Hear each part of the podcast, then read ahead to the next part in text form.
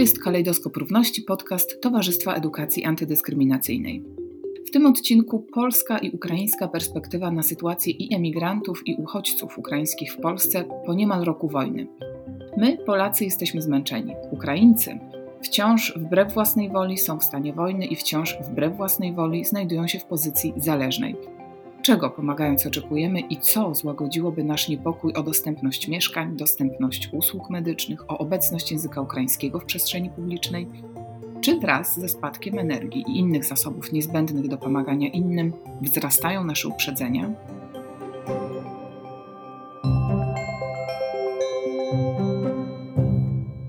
Ja się nazywam Hanna Zielińska, jestem dziennikarką, a z nami dzisiaj będą rozmawiać profesor Katarzyna Prot-Klinger, psychiatrka, psychoterapeutka, analityczka grupowa. Dzień dobry. Dzień dobry. I Marijka Nebożenko z Fundacji Nasz Wybór, koordynatorka Klubu Ukraińskich Kobiet. Marijka Nebożenko mieszka w Polsce od 13 lat. Dzień dobry. Dzień dobry. Będziemy dzisiaj rozmawiać o tym, jak zmienia się nasz Polaków stosunek do y, uchodźców z Ukrainy, albo generalnie rzecz biorąc, do osób pochodzenia ukraińskiego w Polsce, y, bo w tej chwili obywateli y, pochodzenia ukraińskiego w Polsce, gości z Ukrainy, uchodźców jest coraz więcej wciąż właściwie jeszcze nie możemy się doliczyć, ale to są osoby o różnym statusie, o różnej historii, o różnych potrzebach i różnych planach. Nasz stosunek do tej grupy społecznej się zmienia. Pojawiają się różnego rodzaju mieszane postawy i uczucia. Momentami mamy wrażenie, że kończy nam się wyporność percepcyjna czy emocjonalna, związana z nową wciąż od wielu miesięcy sytuacją w Polsce. I dzisiaj będziemy rozmawiać o tym, jak budować, wzmacniać w sobie postawy antydyskryminacyjne. O te postawy, jak się okazuje, było dosyć łatwo w pierwszych tygodniach wojny, może nawet w pierwszych miesiącach. Jesteśmy teraz w momencie lekkiego kryzysu, powiedziałabym tej postawy włączającej, inkluzywnej. Jesteśmy w stanie niepokoju o tym wszystkim e, dobrze wie profesor Katarzyna Prot-Klinger, która e, wypowiada się w mediach na ten temat. Polecamy wywiad w magazynie Więź czy tekst w krytyce politycznej na ten temat, a z pierwszej ręki te doświadczenia e, ma i zbiera Marijka Nebożenko. Najpierw chciałabym poprosić obie panie, nasze gościnie, żebyście przedstawiły, jak wy to widzicie, jak w tej chwili kształtuje się po tych kilku miesiącach od wybuchu wojny, w zasadzie za chwilę minie rok w momencie, kiedy nagrywamy ten podcast, jest końcówka 2022 roku, jak Waszym zdaniem kształtuje się w tej chwili statystycznie postawa Polaków wobec Ukraińców przebywających w Polsce? Znaczy, mnie jest trudno, trudno jest mi mówić statystycznie, bo oczywiście mamy do czynienia z jakimiś pojedynczymi osobami czy pojedynczymi reakcjami. Zrobił na mnie duże wrażenie raport Sadury i Sierakowskiego z krytyki politycznej, no bo jednak to już było takie, wydaje mi się, pierwsze badanie, które próbowało określić te postawy. I było dla mnie no, bardzo niepokojące, że moje przepowiednie się sprawdziły. Niektóre wolałabym, żeby się nie sprawdzały ponieważ ja 8 miesięcy temu, wtedy właśnie jak napisałam artykuł do krytyki, później miałam wywiad z e, panią Katarzyną Sroczyńską do więzi, no to mówiłam o tym, że jest taki problem, że, że to, to co się wydarzyło zaraz po wojnie, że takie wzmożenie Y, nasze Polaków pod hasłem Wszyscy kochamy wszystkich Ukraińców, pomagamy, wpuszczamy do naszych domów, będziemy się nimi opiekować, czy chcą, czy nie chcą, my się nimi zaopiekujemy. I mm, no wtedy już mi się wydawało bardzo niebezpieczne, że nie mówimy o tym, że mm, czasami to może budzić różne trudne uczucia, które nazywałam wtedy brzydkimi emocjami. Część osób mówiła, że niesłusznie, bo przecież złość nie jest brzydką emocją. No nie jest brzydką oczywiście, ale nie lubimy się tym, tym chwalić, że jesteśmy czasami złośliwi czy zazdrośni. No i to, co rzeczywiście, i że ryzyko jest takie, że w pewnym momencie te uczucia, jeżeli się o nich nie mówi, to mogą wypłynąć w formie y, hejtu, czy bardziej takiego zmasowanego niezadowolenia. I troszkę to pokazuje ten raport Sadury Sierakowskiego. Co więcej, co było rzeczywiście dla mnie interesujące, że wtedy moje główne obawy dotyczyły tego, że będą zarzuty, zresztą tak jak w przeszłości dotyczące innych grup, prawda? Wystarczy tutaj wspomnieć o prawda, historii Żydów i Holokaustu, że byli niewdzięczni, że to jest zawsze ten zarzut, że oni są niedostatecznie, że ci, których my obdarowujemy, oni są niedostatecznie wdzięczni. I to, co było dla mnie bardzo ciekawe w tym raporcie, to była to, to, to takie, jest coś takiego prawda, w socjologii, psychologii też to analizujemy, takie zwane mity miejskie. Czyli, że to jest taka historia, że e, opowiada nam, my to wiemy na pewno, bo opowiedziała nam to nasza sąsiadka, która to widziała, pan, e, nasz brat, tak, jakiś członek rodziny, on to widział, on to widział, on to po prostu wie. I jest taka e, analityczka grupowa Karolin Garland, która mówi, że te mity miejskie można traktować jak sny w takiej indywidualnej psychopatologii. Czyli, że jeżeli uważamy, że sen ujawnia coś nieświadomego, to że ten mit miejski w sensie społecznym ujawnia coś nieświadomego. No i dokładnie te mity miejskie są wszystkie o wdzięczności, czyli niewdzięczności. Czyli to są takie historie, opisuje właśnie Sadurej Sierakowski, że to są takie historie, że wchodzi na przykład Ukrainiec do apteki i to oczywiście widział mój sąsiad tą historię, że wchodzi Ukrainiec, otrzymuje leki, po czym mówi nie zapłacę, bo mi się należy. No albo idzie Ukrainka na przykład do salonu kosmetycznego oczywiście, bo gdzieżeż ona ma iść teraz, robi sobie paznokcie i potem jak manikiurzystka żąda zapłat, mówi nie, bo ja jestem Ukrainką i mi się należy. Czyli, że to są takie ekstremalne historie, no można powiedzieć, że powiedzielibyśmy absurdalne, ale tym niemniej ludzie opowiadają to jako, że to widzieliśmy, tak się odbyło. No więc takie, takie trochę mam, to, to jest jedna strona, to są te badania i takie, jak można o tym myśleć, o, też o tych badaniach, co one opisują. Druga rzecz, niestety, ja się bardziej w, tym, w tej, tutaj będę bardzo ciekawa właśnie takich wrażeń pani Maryki, no bo ja niestety jako y, też psychiatrka i osoba, która no, godzę się też na, konsultuję czasami osoby, które y, doznają y, przemocy, no to ja niestety y, mam do czynienia z tą ekstremalną patologią. To znaczy, na przykład mogę powiedzieć, że konsultowałam kobietę ukraińską, która, która została pobita po prostu i została pobita za nic. To znaczy, w ogóle nie było nie było żadnego minimalnego jakiegoś takiego powodu, znaczy za nic, no za to, że przybyła z Ukrainy. Znaczy to była ta przyczyna ulicznego pobicia. Więc, no więc, no ale to jakoś tam mam nadzieję, że ja mam z kolei w tym zakresie do czynienia z taką ekstremalną patologią i że to jakoś nie, nie jest w tej chwili taka rzeczywistość, że Mm, no, osoby z Ukrainy muszą się bać na ulicy, ale to będę ciekawa, jak, jakie jest zdanie pani Maryki. E, no właśnie tutaj e, też co pani, e, pani powiedziała na początku, jest różnie, jest naprawdę bardzo różnie, ponieważ Ukraińcy mieszkają w Polsce już od bardzo dawna.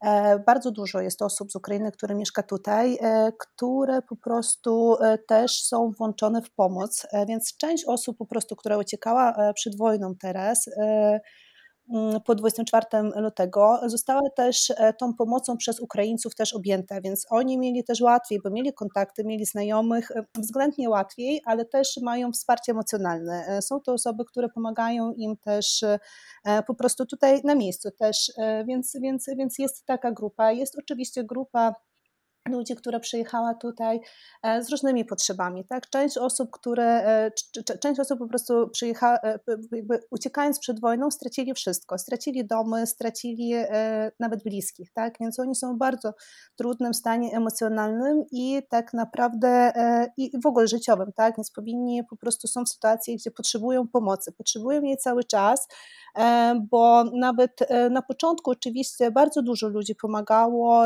i bardzo bardzo dużo. E, wszyscy to e, odczuliśmy, jak i my, Ukraińcy, którzy mieszkamy tutaj bardzo, bardzo długo. Ja szczerze mówiąc, e, nie to, że po pierwsze ja się nie spodziewałam w ogóle, że będzie, że będzie, że wybuchnie wojna, tak, ale nie, nie spodziewałam się takiej pomocy ze strony Polaków, takiej, takiego, tak, tak, takiej aktywności, także to będzie naprawdę na takim bardzo, bardzo wysokim poziomie, praktycznie każdy pomagał, więc ci ludzie, którzy przyjechali na początku, tuż po eskalacji wojny, oni się spotkali z bardzo dużą życzliwością, która zaczęła spadać, a ich stan emocjonalny po części też się pogarsza, bo na początku tutaj myślę, że pani profesor też może więcej też opowie o traumie, tak? Na początku ludzie byli w szoku, e, dostawali pomoc, teraz się już pogodzili, e, względnie pogodzili, pogodzili z sytuacją, ale już się jakby są w innym stanie, natomiast ich potrzeby wciąż są duże, bo nie mają domu, bo nie mają pracy, bo potrzebują utrzymać e, dzieci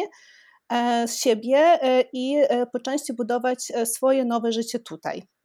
Więc, więc, więc tak to E, z mojej perspektywy wygląda. My oczywiście staramy się pomagać e, maksymalnie na ile możemy e, i też szukamy ludziom mieszkań, z którymi teraz jest bardzo duży wyzwanie bardzo duże, e, bo oprócz tego, że i sami ludzie z Ukrainy nie zawsze chcą zostawać w rodzinach, w których mieszkają, e, które zaoferowali im pomoc bezpłatną w postaci bezpłatnego mieszkania i wciąż ją oferują, oni naprawdę się czują, e, się czują, nie, nie wszyscy się czują z tym dobrze, tak?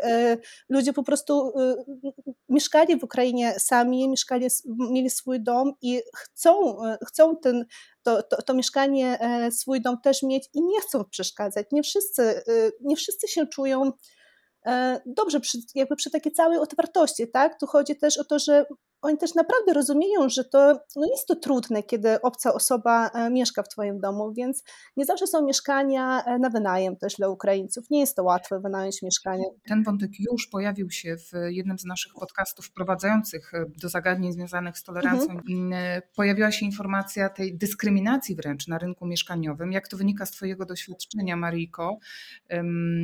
Pojawiają się nawet w tekstach ogłoszeń zastrzeżenia, niezgodne z prawem, mające znamiona dyskryminacji ze względu na pochodzenie, zastrzeżenia, że mieszkanie jest do wynajęcia, ale nie dla cudzoziemców. I wtedy wiadomo, y, wiadomo tak naprawdę, o jakich cudzoziemców, cudzoziemców chodzi. Ty potwierdzasz to ze swojego doświadczenia, y, jak ty to widzisz, ten temat, właśnie ten wątek mieszkaniowy. No jest, no właśnie tak jest, więc wynająć mieszkanie e, no jest bardzo trudno. E, osoby, z który, które ja znam, e, nie wiem, to z takich, takich po prostu jakby, jakby jak to się odbywa w praktyce, tak?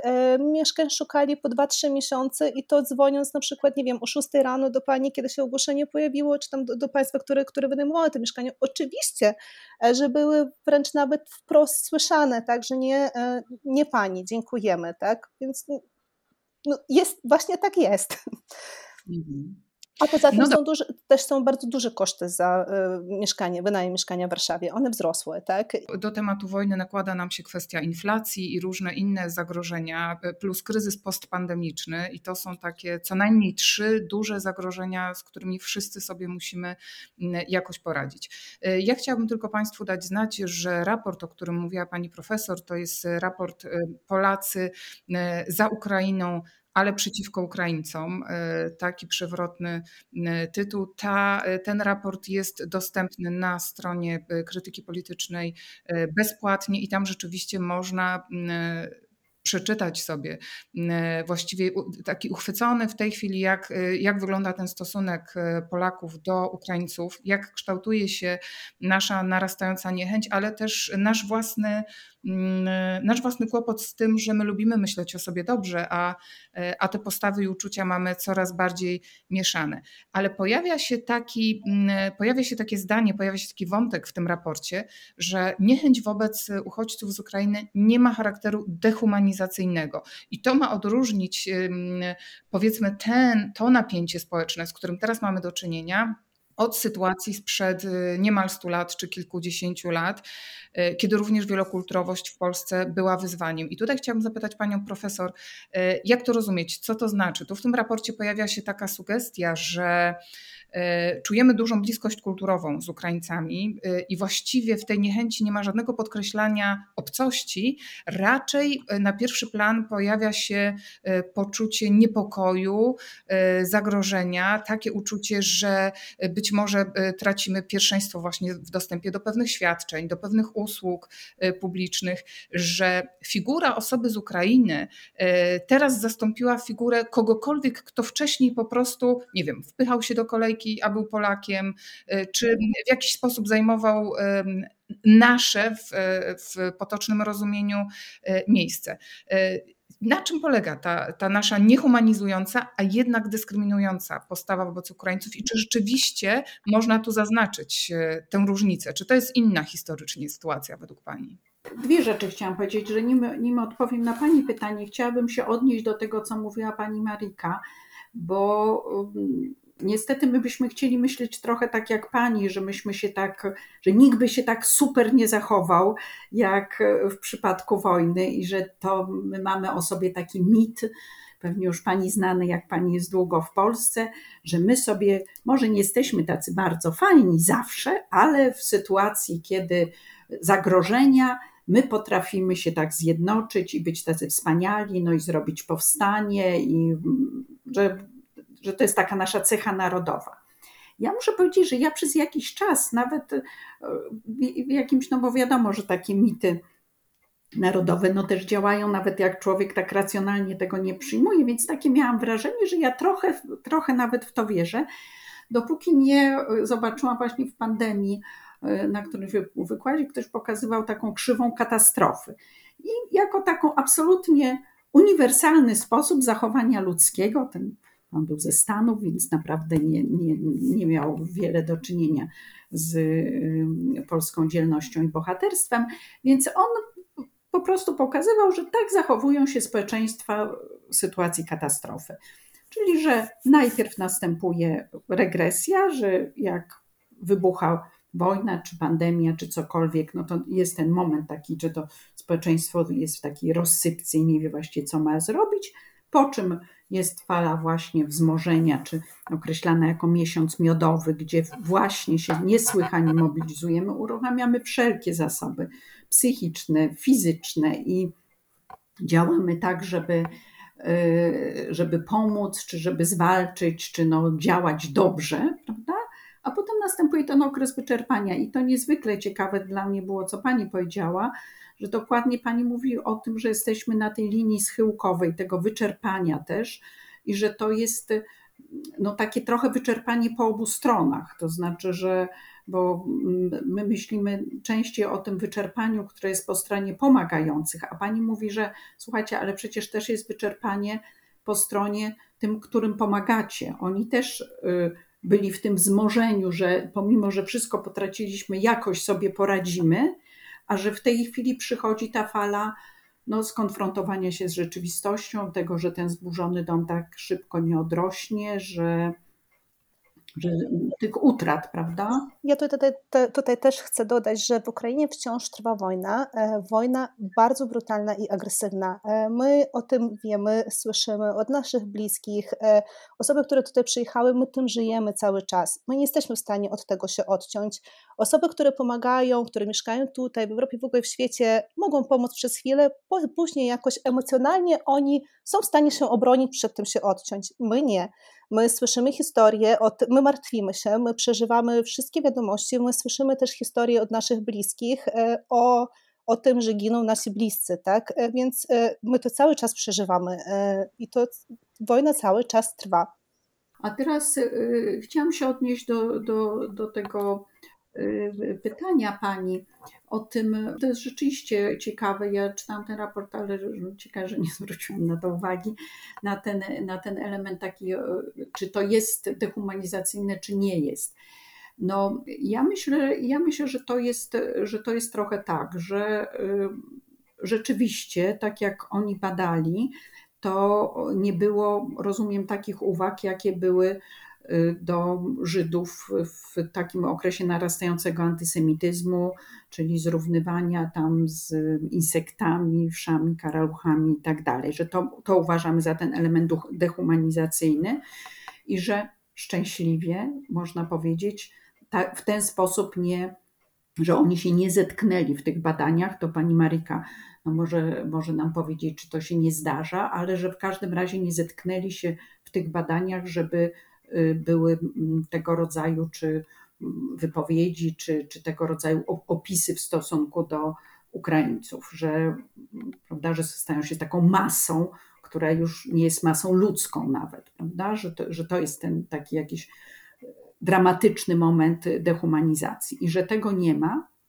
no ja, prawda, nasuwałoby się pytanie jeszcze, czy rzeczywiście tego nie będzie, że to nie jest, ponieważ mm, ja myślę, że to jest, y, że ta granica nie jest taką granicą, którą, no tak się mówi czasami, że w tym wykluczeniu kogoś, no to pierwsze jest y, takie, mm, y, to, to co jest łatwiejsze, takie nie chcę, żebyście byli z nami, ale za tym niestety kawałek, już kawałek dalej jest nie chcę, żebyście byli. Ja dlatego mówię, że dla mnie naprawdę takim osobistym przeżyciem bardzo trudnym było y, badanie i rozmowa z tą osobą, która została pobita, bo to już nie było wygonienie jej stąd, prawda? Potrzeba, żebyś ty nie była w Polsce, tylko to był atak na jej ciało. To było my, oczywiście, no, możemy takie rzeczy lekceważyć, no, ostatecznie, prawda, ostatecznie się nic nie stało. Ja uważam, że to jest bardzo poważne, znaczy, że atak na ciało jest czymś e, bardzo poważnym i że jest no, takim psychicznie czymś takim, że, to nie, że oni nie mówią nie bądź tutaj, tylko oni ją już fizycznie atakują. I że to jest taki klimatyczny moment, z którym no, e, miałam do czynienia indywidualnie, nie wiem, no bardzo, bardzo mi było z tym trudno, bardzo mi było przykro z tym, że, e, no, że ta młoda kobieta mówiła o tym, że ona już się boi wychodzić na ulicę, bo obawia się takich sytuacji. Więc ta granica nie jest taką e, ostrą granicą, wydaje mi się, jak może to się wydawać. E, sytuacje pobicia Ukraińców, Ukrainek zdarzały się też przed eskalacją wojny. Więc to, mhm. to, to nie jest coś pierwszego, jako pierwsze zdarzenie po eskalacji wojny, sytuacje pobicia też były przed. Więc e, myśląc tak, to po prostu boję się, że mogą e, narastać, narastać ilość e, takich, takich przypadków.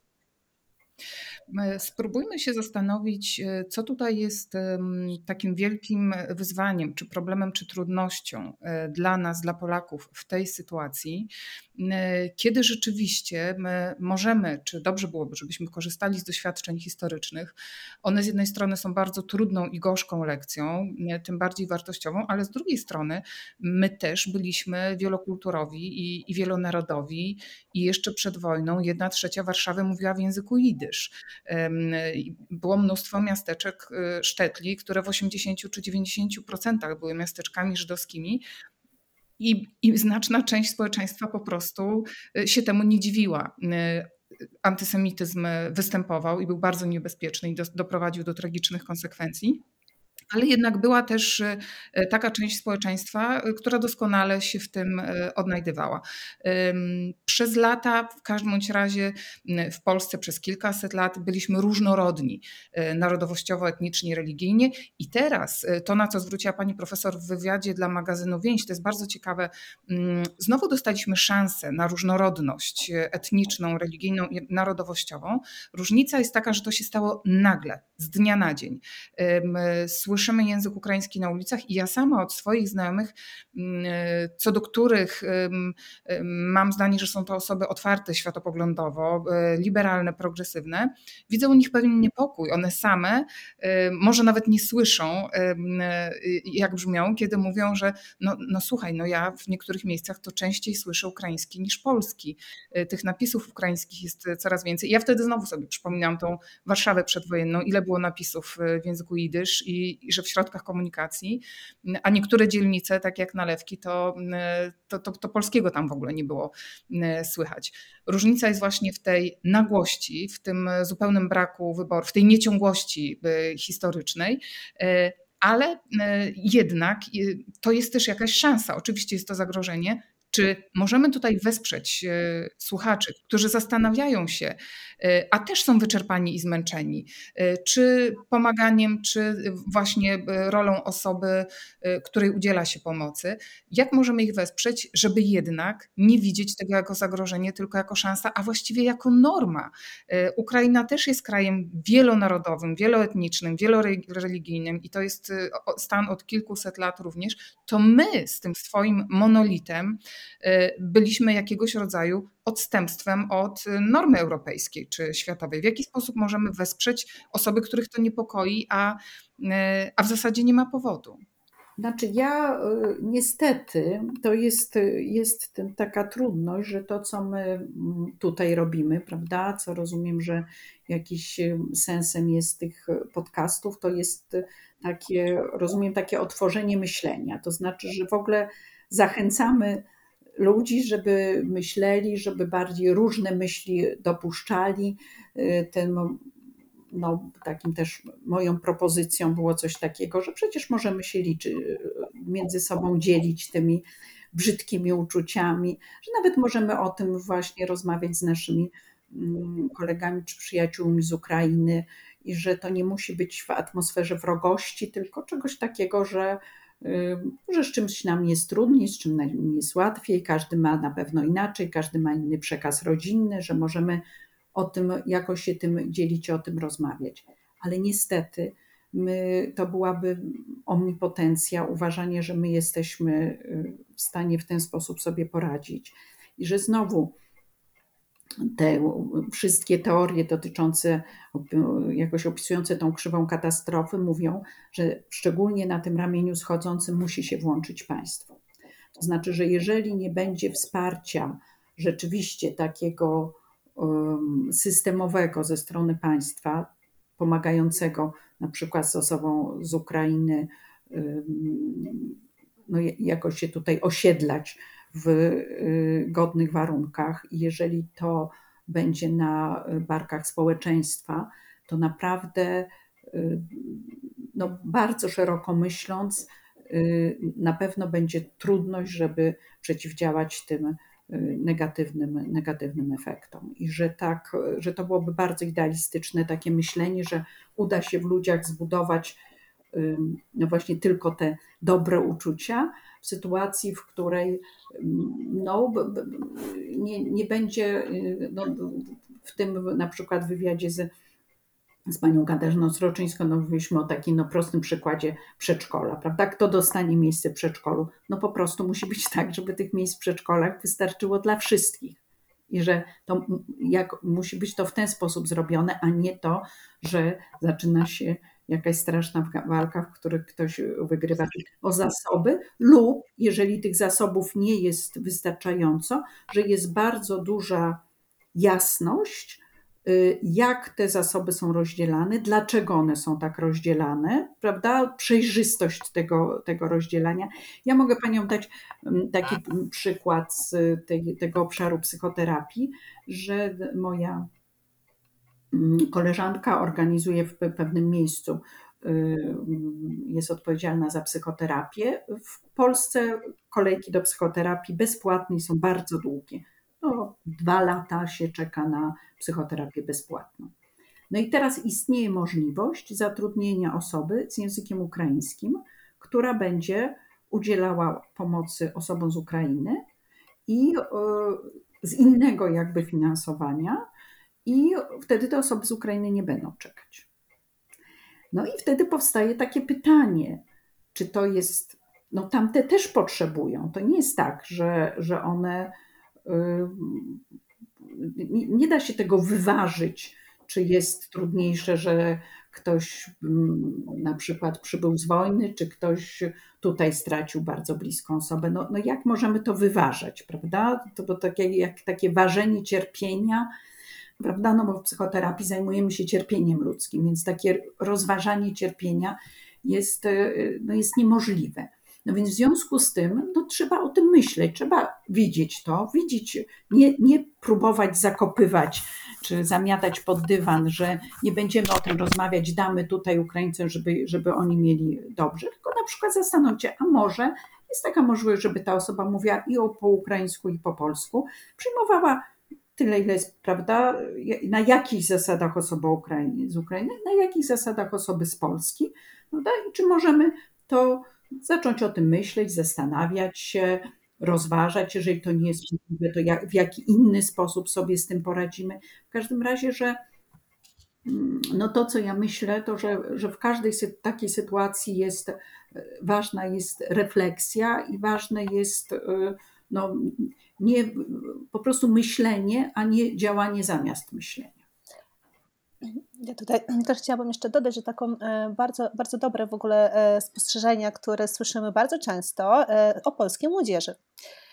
Od Ukrainek, Ukraińców o polskiej młodzieży, że jest bardzo otwarta i ciekawa. Ja byłam zdziwiona, bo też tak trochę jestem przyzwyczajona do takich, no, mieszkając tutaj, do trochę innych nastrojów, e, natomiast e, bardzo często słyszymy, że polska młodzież jest bardzo otwarta i ciekawa Ukrainek, Ukraińców i tego, co się dzieje przede wszystkim. To jest ciekawe, rzeczywiście daje jakiś optymizm, daje jakąś nadzieję. E, myślę, że to, co w tym momencie naszej rozmowy dla nas jest bardzo ważne, dla naszych słuchaczy, żeby pamiętać, że jednak sytuacja osób z Ukrainy w Polsce jest inna, bo po pierwsze właśnie jest ten wieczny stan wojny w głowie, po drugie osoba y, pozycja osoby przyjmującej pomoc jest trudniejsza niż y, przywilej y, pomagania.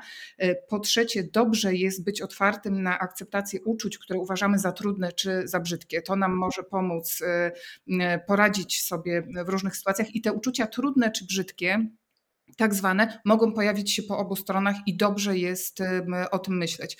E, zarówno e, właśnie ze strony osób, które przyjmują pomoc, jak i osób, które e, tej pomocy udzielają. Niebawem minie rok od wybuchu wojny na Ukrainie. Nie zanosi się na to, żeby kryzys humanitarny związany z tą sytuacją, czy różnego rodzaju inne kryzysy społeczne, żeby to się szybko zakończyło. Chciałam zapytać Marikę o przykłady z codziennego życia, z codziennych sytuacji w miastach i różnych miejscowościach w Polsce, które Twoim zdaniem są przykładami dobrych praktyk. Drobne e, sytuacje wzmacniające pozytywną postawę, wzmacniające pozytywne relacje, zarówno ze strony Ukraińców, jak i Polaków. Czy w ramach Twoich rozmów, Twojej działalności, Twojego aktywizmu w środowisku ukraińskim w Polsce widzisz takie sytuacje, które możesz podać jako e, dobre przykłady, które możemy my, jako uczestniczki rozmowy i nasi słuchacze, wziąć do siebie i gdzieś tam ponieść e, dalej świat. Drobne sytuacje właśnie w kolejce, w urzędzie, nawet ten konflikt e, terapeutyczny, jest to konflikt interesów, ale on jest bardzo ważny, bo czasy naprawdę są trudne. Jest wiele powodów do, do różnego rodzaju zmartwień i zdrowie psychiczne jest w dużej mierze zagrożone zarówno u Polaków, jak, jak i Ukraińców Ukraińców, ale to jest jeden z wielu konfliktów.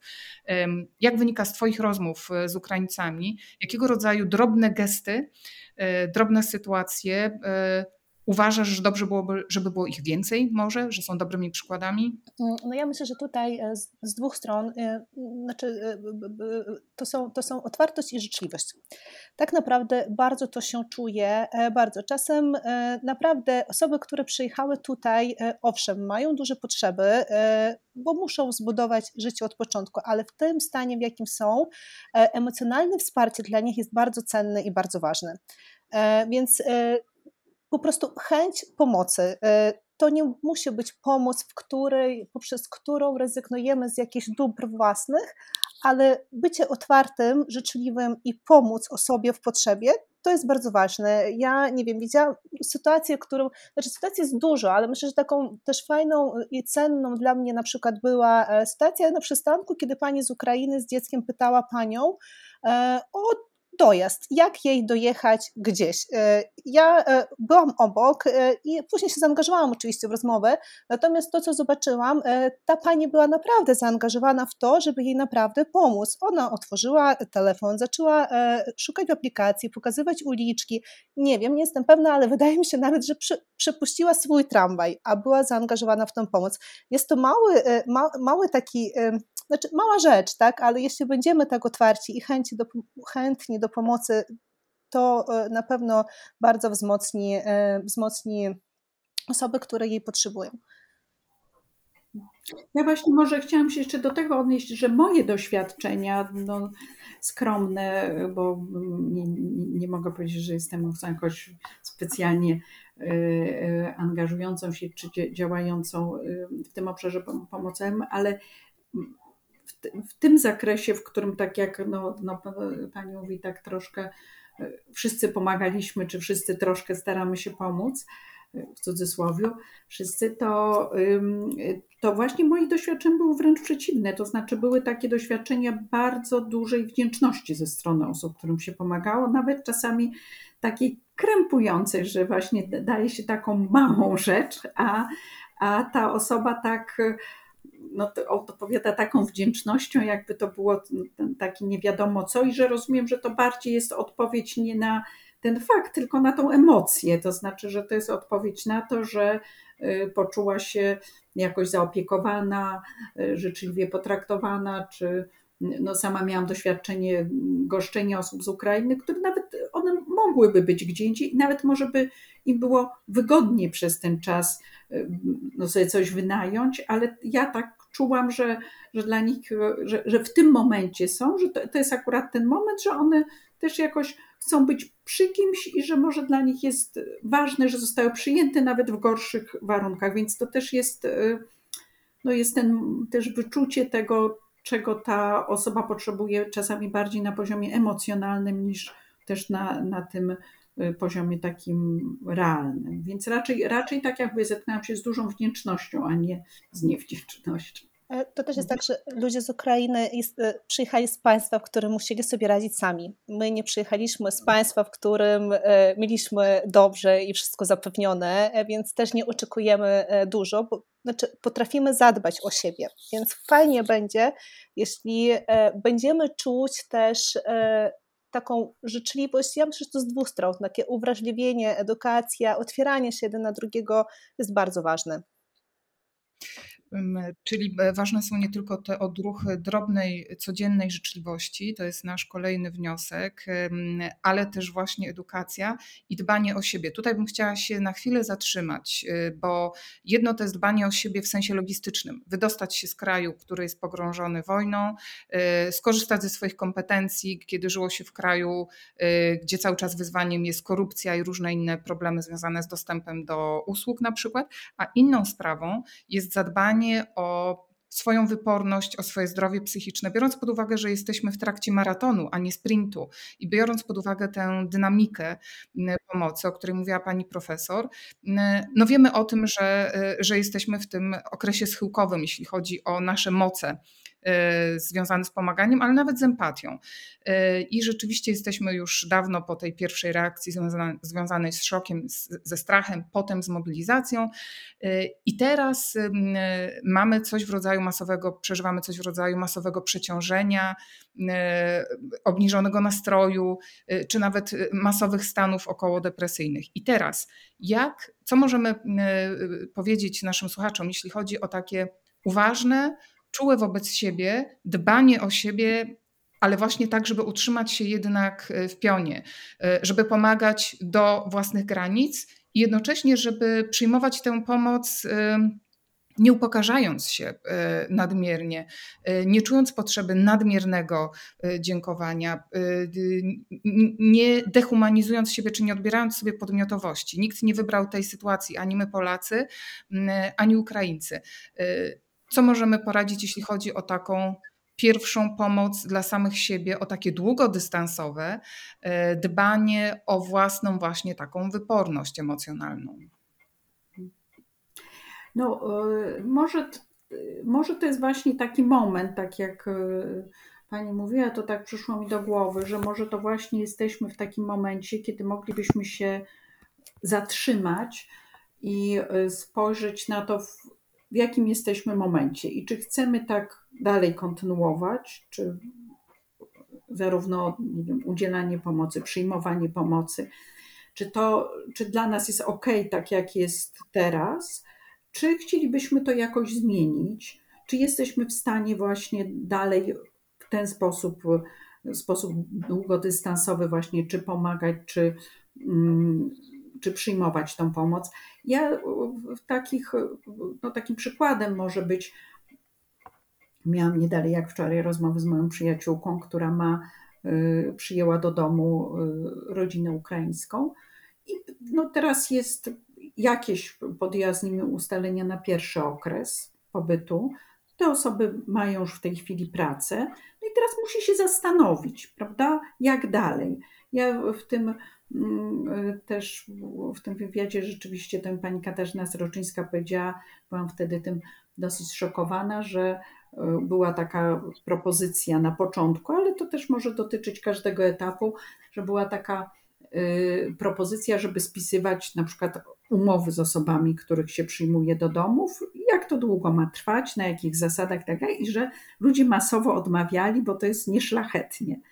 Tak, że to źle świadczy, że gdzie przecież oni pomagają i, i to jest wszystko bezinteresowne, i jaka umowa i tak. Dla, dla mnie to było tyle szokujące, no bo właśnie no to jest taki model z psychoterapii, że jak komuś pomagamy, to ustalamy ten kontrakt na początku i wszystko jedno, czy płatny, czy bezpłatny, no musimy wiedzieć właśnie na czym stoimy.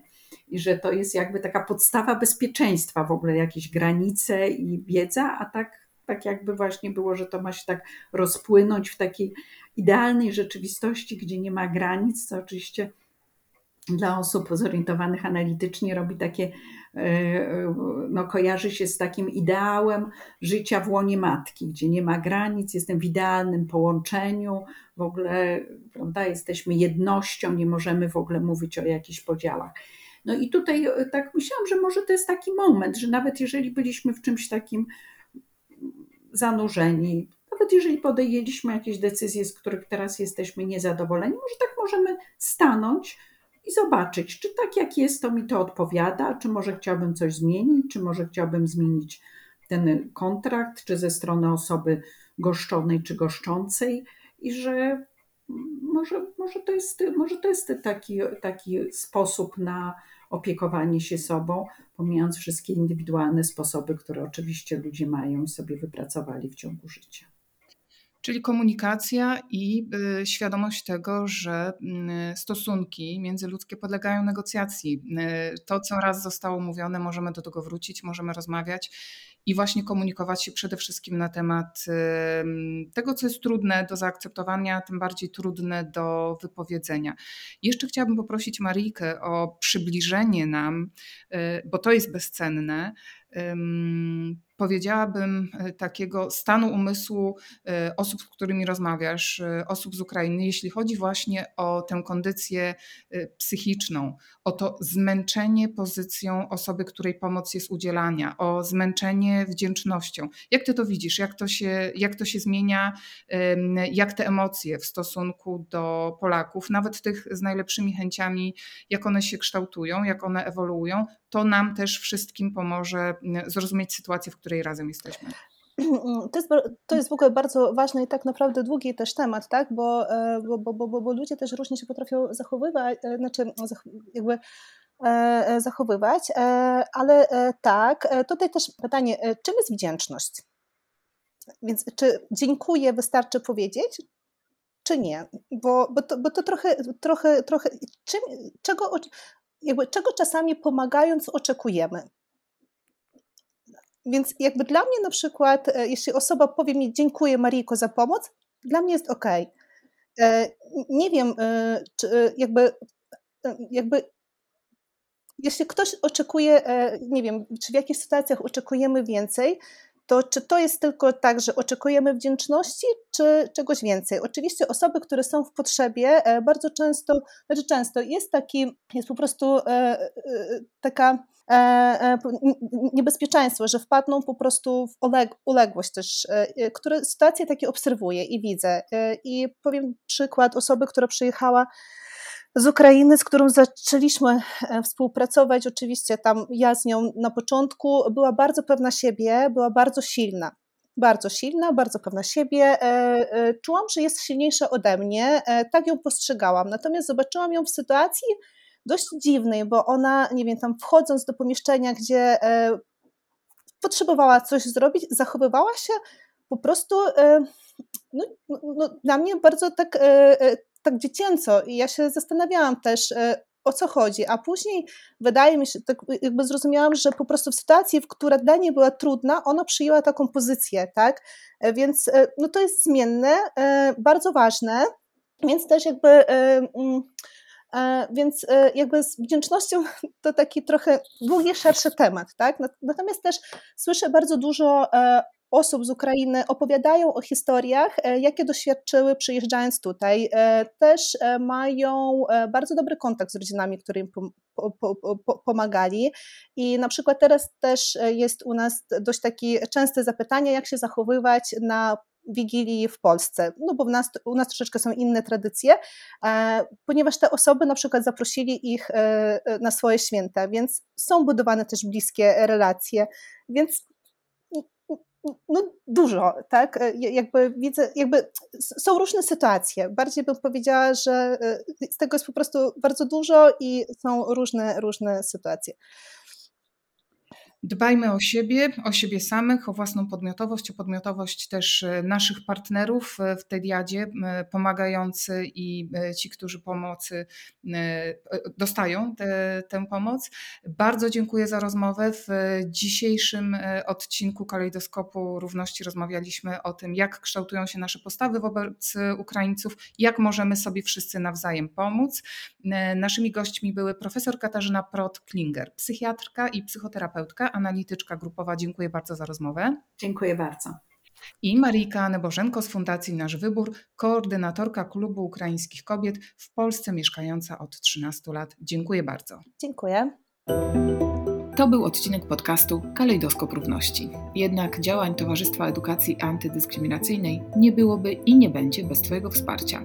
Jeżeli chcesz wspólnie z nami tworzyć świat wolny od dyskryminacji i przemocy, przekaż Towarzystwu darowiznę.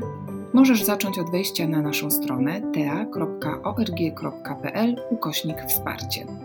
Ten sezon podcastu realizowany jest w ramach projektu Kalejdoskop Równości. Projekt finansowany jest przez Islandię, Liechtenstein i Norwegię z Funduszu Europejskiego Obszaru Gospodarczego w ramach programu Aktywni Obywatele Fundusz Regionalny. I podziękowania dla zespołu tworzącego podcast. Produkcja i realizacja Paweł Kierzniewski. Koordynacja Magdalena Świder. Oprawa dźwiękowa i wizualna Michał Kacprowicz. Tłumaczenie na polski język migowy Natalia Litwiniuk. Wersja podcastu z tłumaczeniem na język migowy dostępna jest na kanale Towarzystwa Edukacji Antydyskryminacyjnej na YouTubie. A ja w roli prowadzącej, Hanna Zielińska, zapraszam na kolejne odcinki Kalejdoskopu Równości.